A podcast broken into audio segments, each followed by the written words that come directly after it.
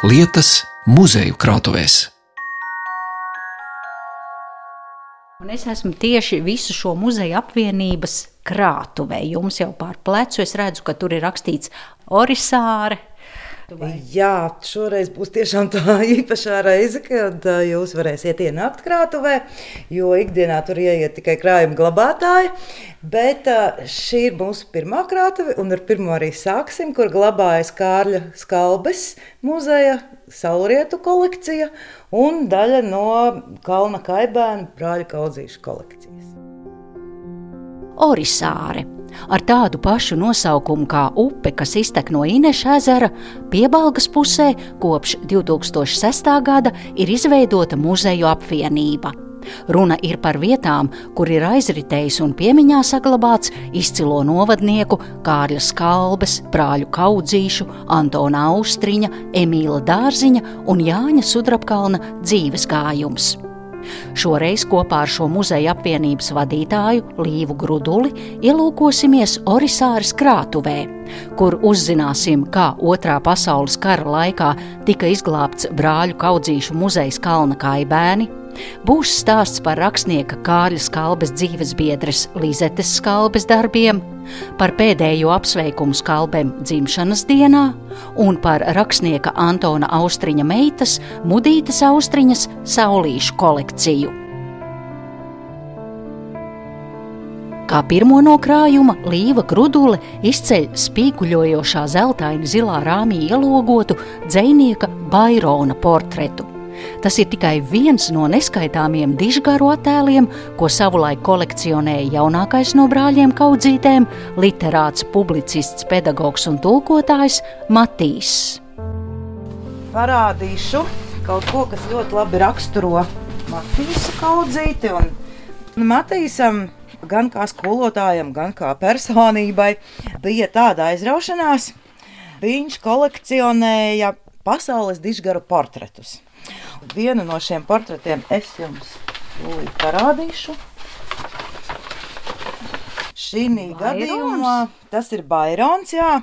Šeit acīm redzami Matīs Kaudzīte visdrīzāk ir nopircis jau gatavu bildi, kas ir jau ierāmēta, ļoti grezna, bet šāda kolekcija tā ir ļoti plaša un lielākā daļa no tās ir arī redzama Kalnu Kaibēnu muzejā.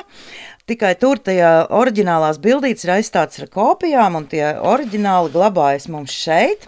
Viena daļa un mazākā daļa no bildēm ir tātad nopirktas jau rāmī. Bet tā lielākā kolekcijas daļa ir tāda, ka Matīs arī rāmīšus pats veidoja. Ne tikai krāja šīs bildītes, šeit ir, jā, te ir tas veids, Šis ir koka rāmītis, tas ir noteikti paša Matīs Kaudzītes darināts, un tas ir Jēzus Kristus bildīte, un šis arī vēl nav tas košākais piemērs, bet skaidrs ir tas, ka, ja ir vairāk simti šādu bildīšu, un katrai viņš ir izveidojis rāmīti, bet tad, kad redz to visu rāmīšu kopumu, tas atkal ir viena lieta, par ko mēs varam brīnīties, tādēļ, ka Mēs taču ļoti labi zinām, ko vispār darīja brāļa kaudzītes. Viņi gan rakstīja, gan bija skolotāji visu dzīvi, un uh, vēl šādiem hobijiem, vēl dārza darbi, vēl viss tas ir tiešām apbrīnojami. Ir labi, ka Matīs jau krietni ievingrinājies drēmaņa amatā. Vienmēr atrodas kāds, kam vajadzīga pīpe vai špicku doze, vai rāmītis kādas bildītas ielikšanai, lai to varētu pakārt istabā pie sienas. Tādu rāmīti vajag arī Matīsam pašam.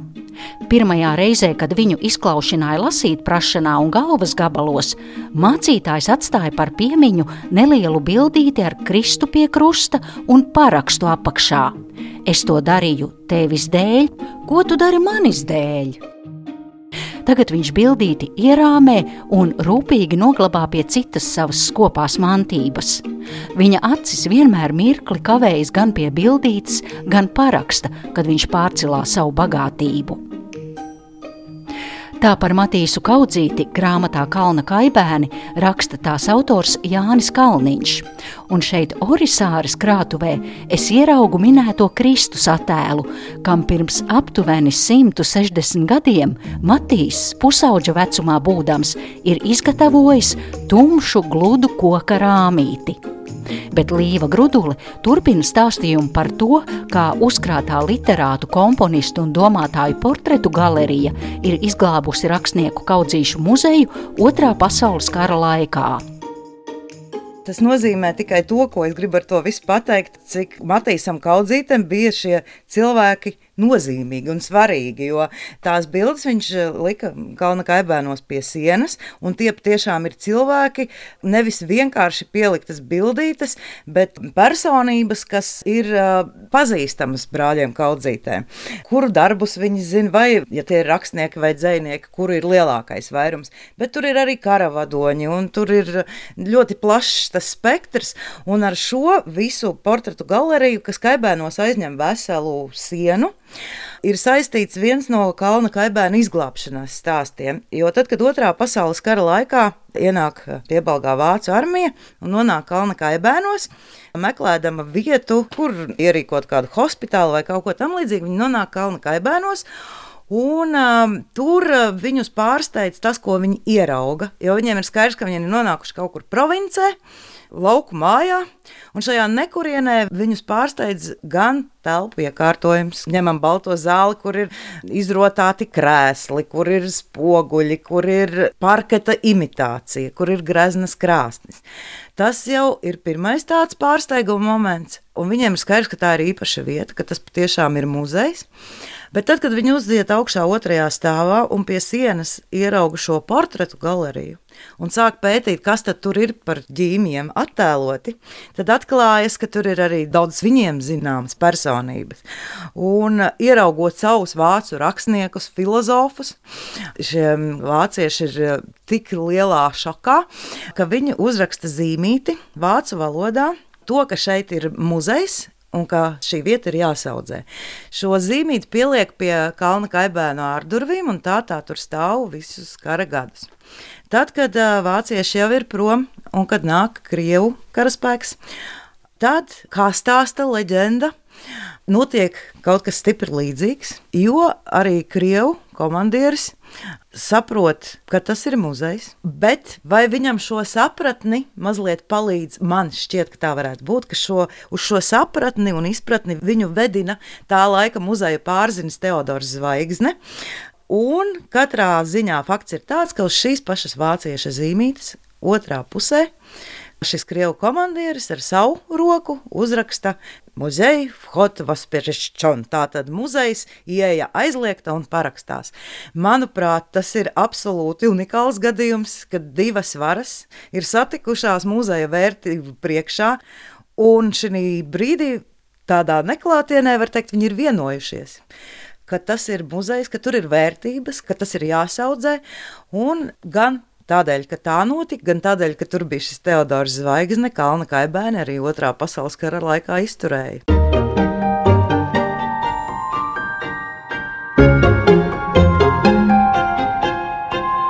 Vietu lietas.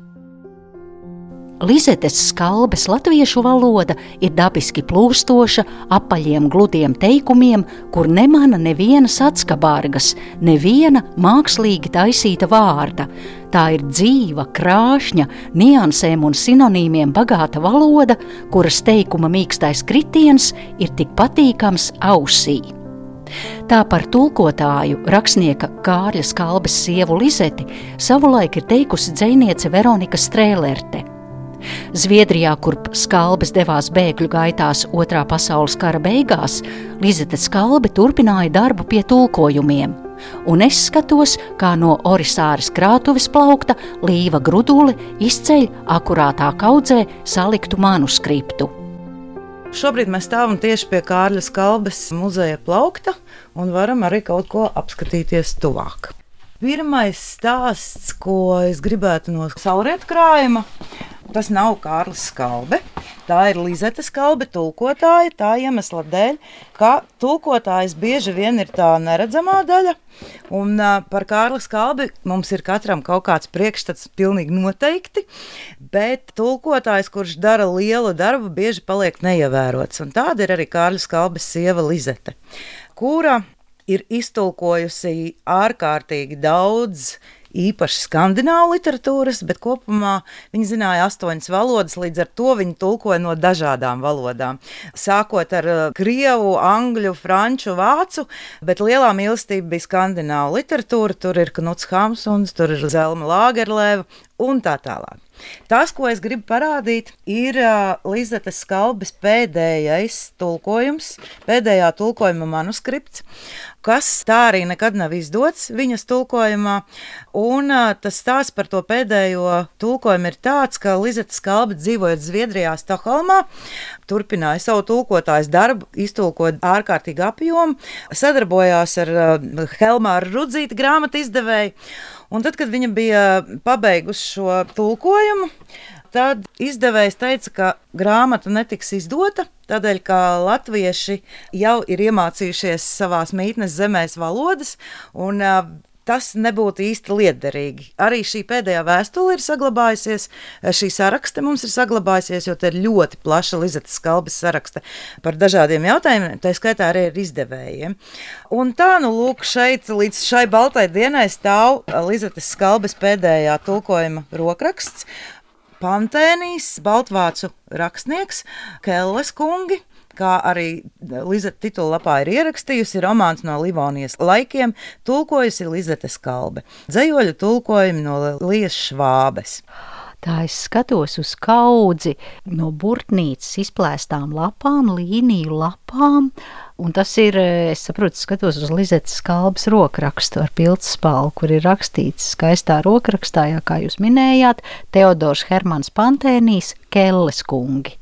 Tieši tā, un rokraksts patiešām Lizetei ir ļoti skaists, labi izlasāms, būtu precīzāk teikt.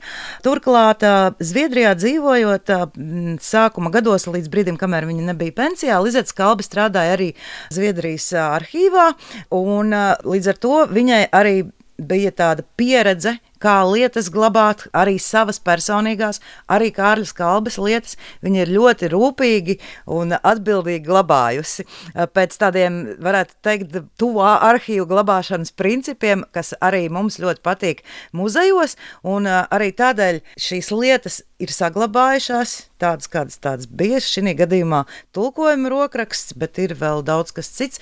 Te ir kartotēkas, kur Lizets Kalba kārtoja Kārļa Kalbas kopotos rakstus, kas iznāca Daugavas apgādā 50. gadu sākumā.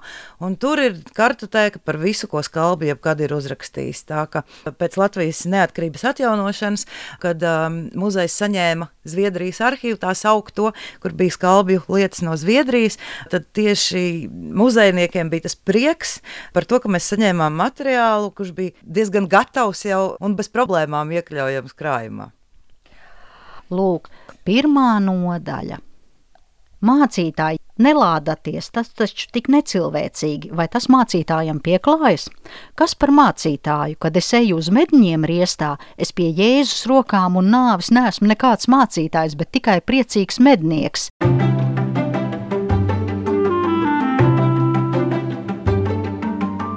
Vietu lietas.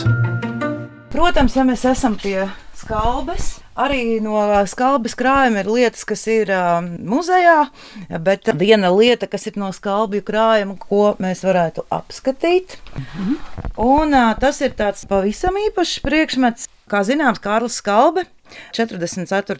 gada beigās devās uz Zviedriju. Bēgļu gaitās un um, šajā krastā, Jūrkalnē, gaidot laivu, Kārlis Skalbi nosvinēja savu 65. dzimšanas dienu. Tā izrādījās viņam pēdējā, jo nākamo viņš vairs nesagaidīja, bet visos šajos sarežģītajos un smagajos apstākļos, protams, ka cilvēki izlēma, ka dzēnieks ir jāgodina un jāsveic dzimšanas dienā, un tad nu visi, kas tur bija sapulcējušies, nāca ar dāvanām. Mākslinieks Niklaus Strunke, kas arī tur bija kopā ar visiem, uzzīmēja jau laicīgi apsveikumu ar zīmuļiem. Mēs viņu pēc tam izņemsim un apskatīsim. Un visi, kas aizbrauca projām, visi parakstījās. Līdz ar to tas ir ne tikai Niklaus Trunkas mākslas darbs. Tas ir ne tikai apsveikums Kārlim Skalbam, bet tā ir arī liecība par cilvēkiem, kas kopā ar Skalbēm gaidīja laivas. Uzvilkusi baltus cimdus, Līva Grudule paņem no plaukta noceltējušas lapas, ko mākslinieks ir izplēsis no bloknota, lai darinātu apsveikumu. Tas ir absolūti unikāls. Tāds kāds tas nu ir bijis pāri jūrai, braucis. 11. novembrī skalbis aizbrauc, bet pirms tam tā ir dzimšanas dienas svinības jūras krastā ar šo apsveikumu un parakstiem. Es saprotu, ka Niklaus Strunke ir izņēmis no kādas lielas klādes divas lapas, aptuveni A4 formāta, kur tādi tautiski raksti ir, tās lapas ir dekorētas, un tad viņš ar krāsainiem zīmuļiem, tur sēdot un gaidot bēgļu laivu, ir rakstījis – dižajam latviešu dziniekam Kārlim Skalbem 65. šūpuļu svētkos 1944. gada 7. novembrī Jūrkalnas pagasta. Tiltsilciemā.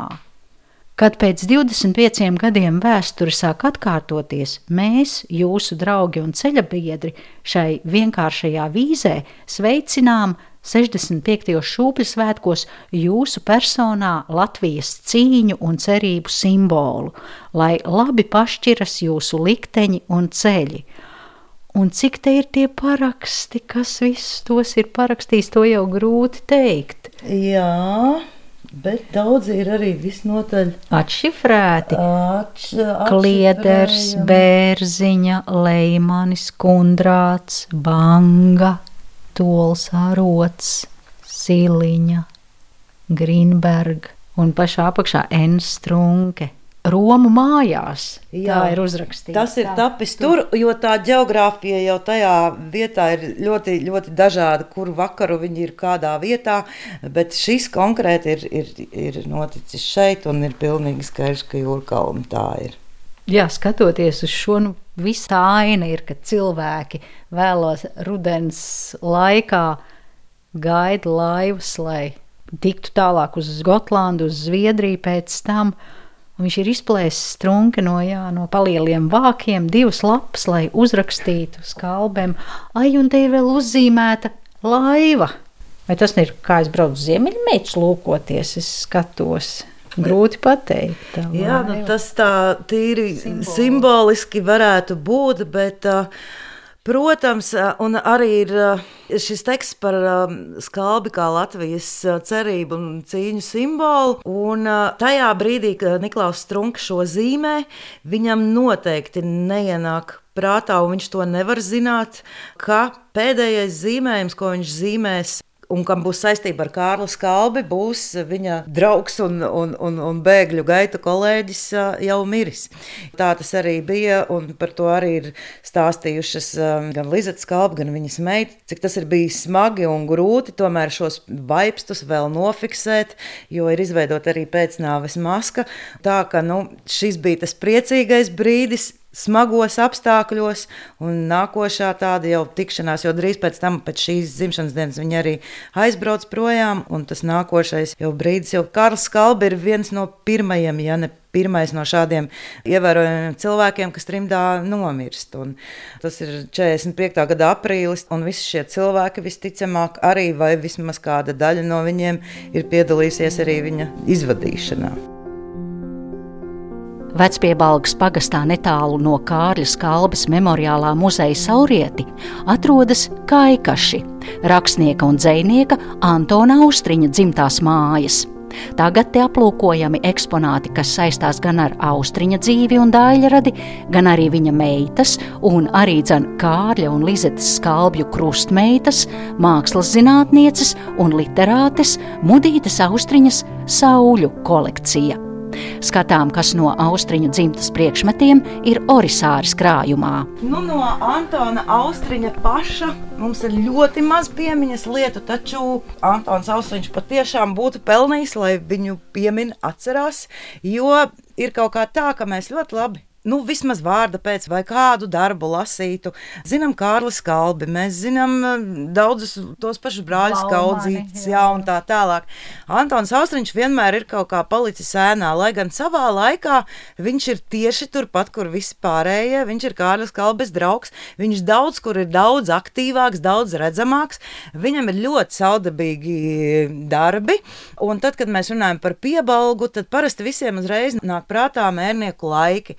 Taču es teiktu, ka ļoti piebalgu var ieraudzīt arī Antāna Austriņa puiškanā, un tā ir daudz precīzāka piebalga, daudz eh, īstāka, jo romāns mērnieku laiku tur jau ļoti daudz strādā arī brāļa kaudzīšu fantāzija.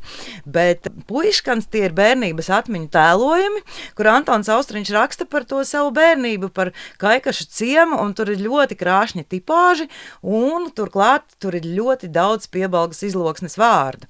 Par tādu vārdu, kuri mūsdienās jau vairs nav zināmi, un droši vien, ja mēs gribētu izdot, kas būtu ļoti skaisti, atkal puiškanu, tad būtu jāsāk ar komentāru sadaļu un paskaidrojumiem, jo, nu, kaut vai, piemēram, vārds, kas mums muzejniekiem ļoti mīļš, ir žurme. Un žurme nozīmē enerģija, un, un tad mēs vienmēr tos vārdus cenšamies arī atdzīvināt un iedzīvināt savā sarunu valodā. Bet tas, par ko es vēl šodien gribētu pastāstīt, ir uh, Mudīte Austriņa, kas ir Antāna Austriņa meita māksliniece, galeriju darbiniece. Kā par viņu laika biedri teica, viņa bija Elles ķēķa zelta monogramma. Ļoti spilgta personība, ļoti interesanta personība, kura dzīvoja pēc otrā pasaules kara Amerikā. Un strādājot galerijās un ceļojot, viņa veidoja saules atveidu kolekciju. No dažādām kultūrām viņa vāca saulītes, un šo kolekciju pēdējo reizi viesojoties Vecpiebalgā īsi pirms savas nāves, viņa tad arī atstāja Antāna Austriņa muzejam. Un tad mūsu krājumā arī šīs saulītes glabājas. Šīs saulītes bija ļoti dažādas. Tās varēja būt sākot ar pastkartēm un beidzot ar piparkūkām.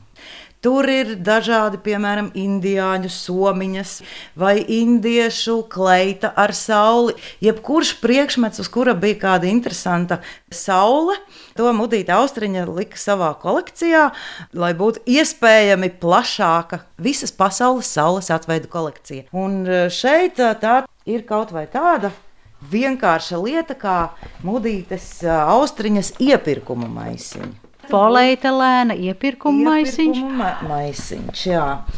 Jā, Angļu valodā Fifth Avenue and 18th Street, New York City. Tā es saprotu no vienas no slavenākajām iepirkuma ielām Ņujorkā, 5. avēnija, un tur ir bijis kāds veikals. Idea Tools from the Barneys and Noble Bookstore. Tas tad ir no kādas grāmatu veikala šāds maisiņš. Es skatos uz krēmkrāsas polietilēna maisiņu, bet uz tā maisiņa virsū ir saule ar seju. Tā kā izskatās tāda sievietes seja uzzīmēta tāds smaidošs ģīmīts ar stariņiem. Tie ceļi, kā viņi tās iegūši, varētu būt ļoti dažādi. Jo par šo konkrēti mums nav tādas konkrētas informācijas, ka viņa iegāja veikalā, nopirka kaut ko, viņai iesaiņoja tādā maisiņā. Tikpat labi viņa varēja šajā veikalā vienkārši ieraudzīt šo maisiņu, tas viņu uzrunāja un viņa to ieguva savai kolekcijai. Tikpat labi to varēja, kā arī tas notika ar šiem saules atveidiem, ka kāds viņai uzdāvināja, lai gan lielākoties tā kolekcija sastāv no tā, ko viņa pati ir apzināti meklējusi. Bet, nu, katrā ziņā šādā veidā saulīša kolekcija ir, ir pie mums, jo Mudītei Austriņai bija sapnis uztaisīt pasaulē mazāko saules muzeju. Un viņa teica, ka to varētu darīt Kaikašos, jo tas ir mazs muzejiņš un tās ir viņas tēva mājas, un tur tām saulītēm būtu tā īstā vieta. Nu, šobrīd arī saulītes ir Kaikašos, un tās, kuras neeksponējām, tās šeit. Ar to arī izskan šis raidījums, un par to es paldies saku Piebalgas muzeja apvienības Orisāre vadītājai Līvai Grudulei. Raidījumu veidoja Zane Lāce Baltalksne. Vietu lietas.